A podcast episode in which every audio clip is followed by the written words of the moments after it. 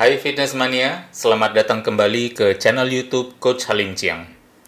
Hari ini kita akan membahas topik yang sangat menarik, yaitu jenis olahraga yang tidak cocok untuk pemula. Saya sering kali ditanya, saya pemula, olahraga apa yang cocok bagi saya?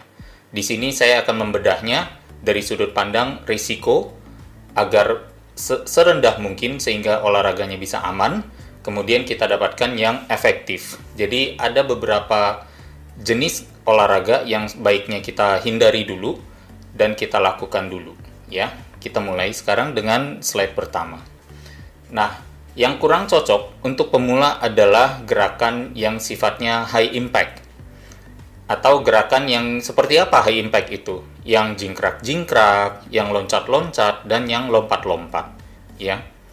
Jenis gerakan seperti apa? Nah, kira-kira seperti ini, ya ada jumping jack, ada box jump, ada mungkin bahkan yang namanya lompat tali, ya ada misalnya side to side atau misalnya juga burpees gitu yang gerakan latihan yang cukup uh, populer di sini. Mengapa saya tidak menganjurkan gerakan-gerakan ini untuk pemula? Pada dasarnya pemula ya memiliki jaringan ikat atau connective tissues pada tubuhnya seperti tendon, otot maupun sendi yang memang masih lemah. Jadi perlu dikuatkan dulu.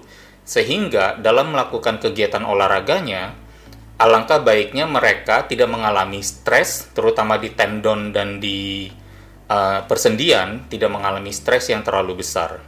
Nah, gerakan-gerakan jingkrak, loncat, maupun lompat itu memberikan stres justru di area tersebut, sehingga saya tidak menganjurkannya.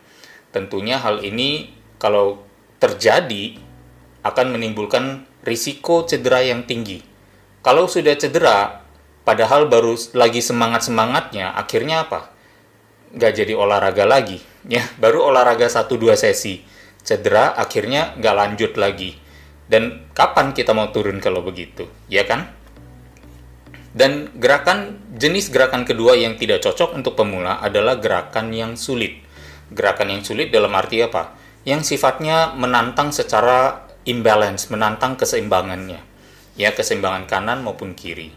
Atau yang sifatnya sangat dynamic, yang gerakannya rumit ya, e, memerlukan koordinasi yang terlalu banyak atau bahkan yang sifatnya akrobatik. Sudah koordinasi menantang dengan daya ledak yang tinggi. Kira-kira gerakan seperti apa? Nah, gerakan-gerakannya contoh adalah seperti ini ya dan tidak terbatas hanya di gerakan-gerakan ini saja. Ada gerakan lain lagi ya. Tapi minimal fitness mania teman-teman di sini mengetahui jenis gerakannya seperti apa untuk dihindari dulu. Karena bukannya saya bilang nggak boleh melakukan tapi lebih kepada gerakan ini lebih cocok bagi mereka yang sudah advance.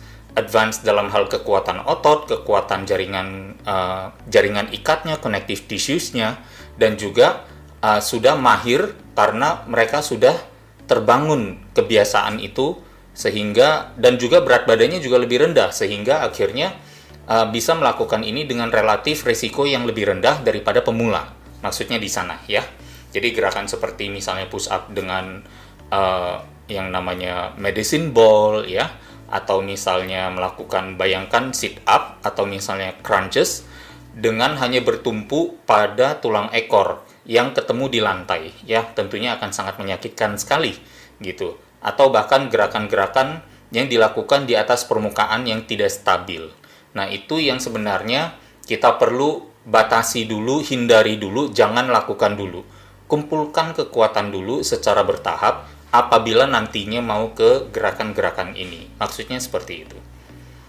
Kita bisa melihat di sini satu tabel ya yang sengaja saya buat sebagai satu representasi visual saja. Kalau seorang pemula itu umumnya adalah memiliki tingkat kekuatan yang rendah dan karena dia masih pemula, maka gerakan-gerakan yang dilakukan juga perlu sesuai seperti itu. Bukan hanya dari bebannya saja, tapi nature gerakannya. Apakah yang halus ataukah yang loncat-loncat jingkrak-jingkrak yang high impact apakah yang low impact atau high impact. Nah, itu yang kita sebut tentang bagaimana manage risiko.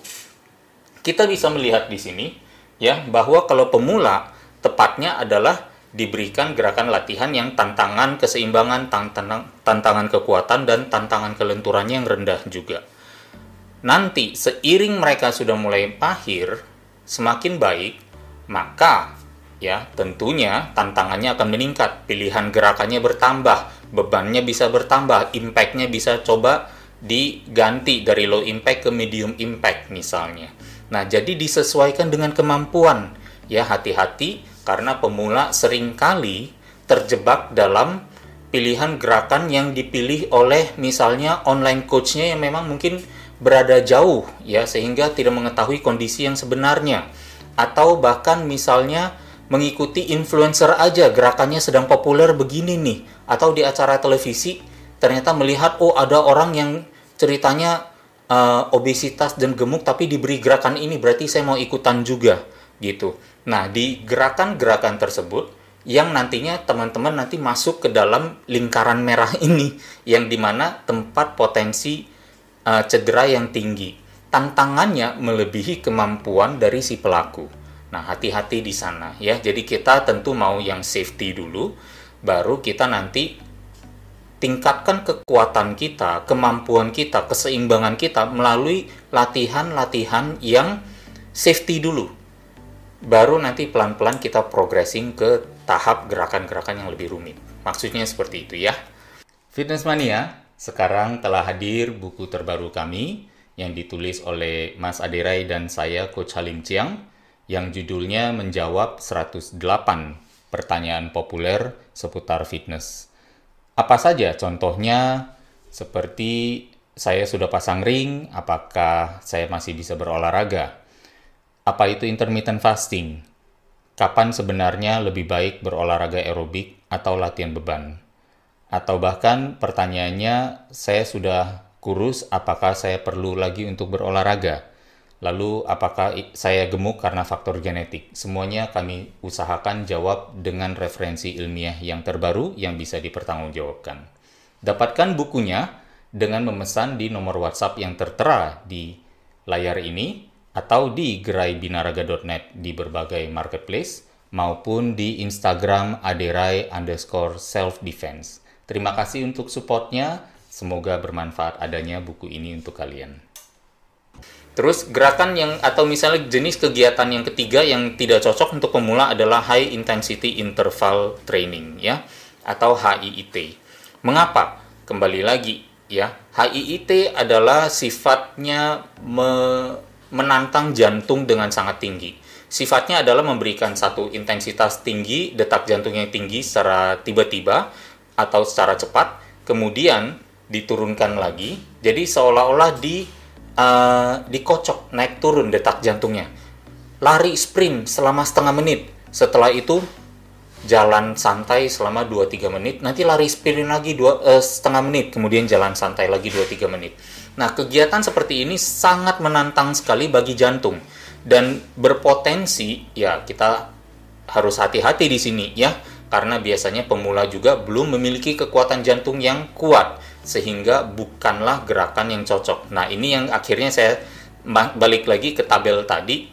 Ini nih yang namanya zona lingkaran merah ini kita harus hindari sebaiknya. Saya nggak bilang bahwa teman-teman kalau berlatih di lingkaran merah berarti pasti salah pasti cedera, pasti fatality, tidak. Ya, risikonya meningkat. Pertanyaannya, apakah kita mau mengambil risiko itu? Karena apa? Kita berolahraga maunya jangka panjang, bukan untuk cedera, stop, baru lanjut lagi dua bulan kemudian setelah cederanya sembuh. Kan nggak bisa ya, namanya kita membangun konsistensi apabila selalu terganggu oleh cedera dan delay atau uh, dengan break, gitu maksudnya. Dan uh, tipe gerakan keempat yang atau misalnya yang kurang cocok untuk pemula adalah aerobik yang terlalu lama. Uh, terutama dalam hal ini yang sifatnya LISS atau low intensity steady state. Seringkali kita melihat bahwa seseorang melakukan lari atau jogging, ya dia bilang saya jogging santai kok, tapi kenapa saya malah uh, wah kemarin detak jantung saya tiba-tiba naik atau tekanan darah saya tiba-tiba tinggi atau bahkan kita melihat bahwa dia olahraganya ringan-ringan aja kenapa akhirnya uh, meninggal kabarnya gitu ya uh, what's happening nah kebanyakan justru kasus fatality dalam olahraga ada di low intensity steady state. Ya, berlari pada secara tempo yang rendah tapi dalam waktu yang terlalu lama karena di saat ada titik di mana dia merasa euforia lari ya yang namanya runners high yang bahkan membuat orang tersebut ingin lari terus-menerus dan tidak mau berhenti.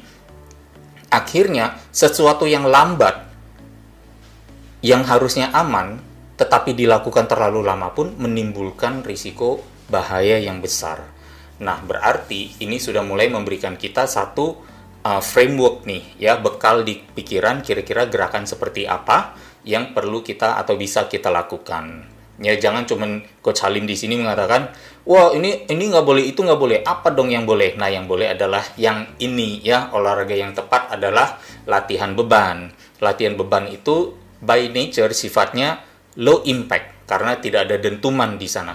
Bahkan saya selalu menganjurkan melakukan latihan beban itu gerakannya yang halus, yang seimbang dan yang lambat ya. Halus, seimbang dan lambat. Berarti low impact sekali. Latihan beban cocok sekali untuk mereka yang pemula. Dan kemudian lakukan juga aerobik low intensity yang tadi. Tapi tidak terlalu lama. Dimulai dari berapa? 10 menit dulu. Ya, baru kemudian Apabila reguler dilakukan, mungkin setiap seminggu atau setiap dua minggu baru ditambahkan 5 menit. Setiap seminggu dua minggu ditambahkan lagi 5 menit. Yang penting kita bangun konsistensi dulu, kita baru berhak untuk menambahkan waktu dalam uh, aerobik kita ya yang low intensity ini. Jadi mulai dari tidak lama dulu, nanti pelan-pelan lebih lama lagi bisa ditambah waktunya. Jadi kira-kira seperti itu tips dari saya. Terima kasih sudah menyimak untuk uh, topik kali ini semoga bisa membantu banyak teman-teman agar memilih olahraga yang lebih tepat dan tentunya lebih aman dan efektif. Uh, sampai ketemu lagi di topik selanjutnya. Terima kasih. Ya, teman-teman, terima kasih sudah menyaksikan video saya di Coach Halim Chiang. Apabila menyukai videonya, jangan lupa like atau jangan lupa juga subscribe. Bahkan mungkin share ke teman-teman lainnya. Semoga bermanfaat adanya. Dan jika ada komentar atau mungkin usulan topik-topik yang ingin saya bahas, silakan ditulis uh, di komentar. Nanti akan saya coba pertimbangkan untuk saya masukkan ke dalam uh, video-video selanjutnya. Terima kasih atas perhatiannya. Stay tune dan stay healthy.